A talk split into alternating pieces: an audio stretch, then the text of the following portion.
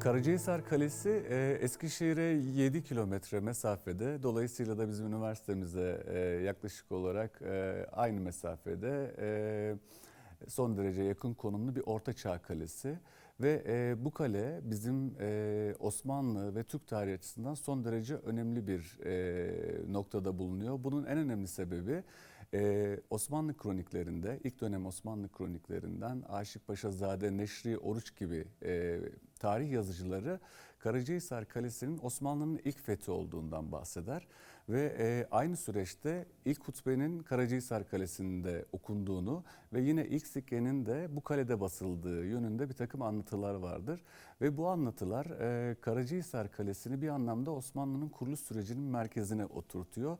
Ve e, bu e, Türk Türkiye'deki arkeolojik çalışmaların niteliği açısından da son derece önemli. Çünkü Karacahisar Kalesi doğrudan Osmanlı'nın kuruluş tarihine odaklanmış olan e, Türkiye'deki tek arkeolojik e, kazı çalışması bu anlamda e, bilimsel anlamda son derece önemli. İlk çalışmalar 1999 yılında Profesör Doktor Halil Nalcık önderliğinde bir ekip tarafından başlatılıyor.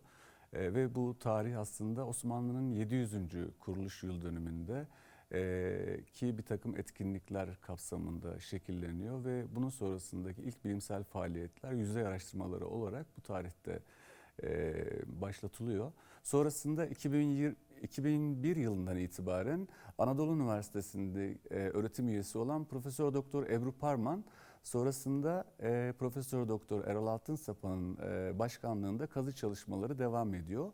E, 2020 yılından itibaren Karacahisar Kalesi kazıları e, 12 aylık ve Cumhurbaşkanlığı kararlı e, kazı statüsünde devam ediyor ve e, ağırlıklı olarak Türkiye'nin farklı yerlerinden e, farklı uzmanlık alanlarından e, heyetlerin bir araya toplandığı, bir anlamda üniversitemize çok yakın olmasından dolayı e, öğrenciler için bir eğitim yuvası halinde. Çünkü çok sayıda öğrenci burada arkeolojik kazı deneyimi sahibi oluyorlar ve bunun bir anlamda üniversite arkeoloji işbirliği açısından son derece önemli. Kazı çalışmaları Kültür Bakanlığı, Kültür ve Turizm Bakanlığı ve Anadolu Üniversitesi'nin işbirliğinde yürütülüyor. Ve bu çalışmalar aslında uzun soluklu projeler. E, doğrudan arkeolojik çalışmalar hani biraz önce bahsettiğim gibi e, sadece belli amaç ve hedeflere yönelik olarak başlamazlar. Alanın bütüncül olarak arkeolojik ve tarihi sorunlarını saptamak üzerine bir takım amaçlar belirlenir ve buna göre bir metodoloji ve arkeolojik yöntemlerle o alanlar tespit edilir. Karacahisar Kalesi de de e, çalışmalar bu e, amaçlar doğrultusunda başladı. Ama bir anlamda Osmanlı'nın bu erken dönemine dair Türkiye'deki az sayıda kazıdan birisi olması e, ortaya çıkarabileceği, bilinmeyenlere dair ortaya çıkartabileceği potansiyel verilerin önemiyle birlikte son derece önemli bir konumda bulunuyor. Ee, ve bu çalışmaya başlarken yani Karacahisar Kalesi'ndeki çalışmalara başlarken e, aslında büyük bir boşluk vardı. E, bu boşluğu tamamen şu andaki çalışmalarla ortadan kalktığını söylemek mümkün değil. E, ama hani bahsettiğimiz dönem bizim 14. yüzyıl. Çünkü Karacahisar Kalesi 1288 yılında fethediliyor ve 1299 yılında ilk hutbe bu kalede okunuyor. Ve dolayısıyla bir anlamda Osmanlı'nın o kuruluş süreci bu tarihten sonra başlıyor. Ve 14. yüzyıldan bizim bugüne kadar gelen yani günümüze aktarılan hiçbir e, yazılı belgemiz yok neredeyse. İlk Osmanlı kronikleri yaklaşık olarak 15. yüzyılın ortasından itibaren yazılmaya başlıyor. Dolayısıyla bu tarihsel boşluğu doldurabilecek en önemli bilim alanı arkeoloji ve bu anlamda da Karacahisar Kalesi'nin deki çalışmaların sonrasında ortaya çıkabilecek olan verilerin bu boşluğu doldurma yönünde çok önemli bir rolü olacağını düşünüyoruz biz. Ve bu çalışmaya başlarken işte bu tarihsel boşluktan dolayı bilinmeyenler çok fazlaydı. Mesela kalenin hangi tarihte inşa edildiği, ee, ve e, bu inşa edildikten sonraki süreçlerde geçirdiği evreler, mimari dokusu, ilk oluşum ve değişim süreçleri nasıldı?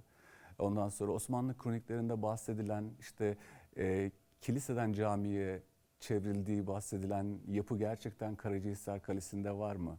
Bugüne kadar Osman Gazi'nin sikkesi sürekli tartışılır ve bilim dünyasında son derece önemli bir yere oturur bu tartışma. Ve bu gerçekten buna ait bulgu Karacahisar Kalesi'nde ortaya çıkabilir mi? kale ne zamana kadar kullanıldı? Söğüt Domaniş'ten sonra Osmanlı e, Karacahisar bölgesine yerleştikten sonra e, buradaki oluşum ve değişim süreçlerini biz arkeolojik olarak tespit edebiliyor muyuz? Bunların hepsi e, bizim de bu çalışmaya başlarken kendimize sorduğumuz sorulardandı. Ve bu arkeolojik çalışmalar sonrasındaki bir takım bulgular ki bunların en önemlileri sikkelerdir.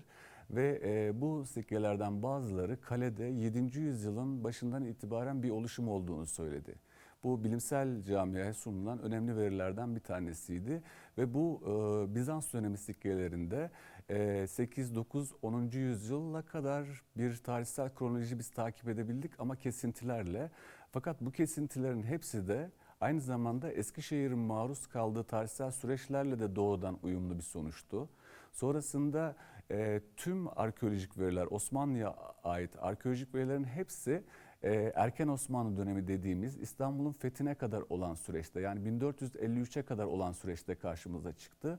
Bu da bizim için çok önemliydi çünkü bazı arşiv belgelerinde kalenin e, Fatih döneminden sonra terk edildiği yazılıyordu. Fakat bunun arkeolojik olarak ispat edilmesi gerekiyordu ve bizim hem seramik hem sikke buluntularımız buna dair çok önemli veriler sundu.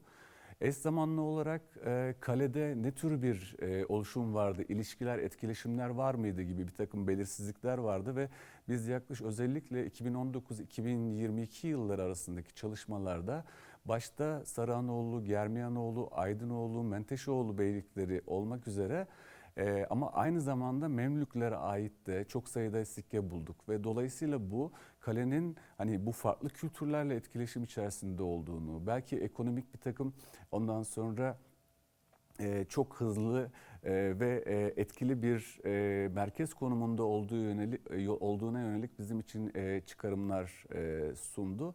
Ve e, sunmaya da devam ediyor. 2022 çalışmalarında da biz ağırlıklı olarak kalenin mimarisini, dokusunu ortaya çıkarmaya yönelik çalışmalarımıza devam edeceğiz.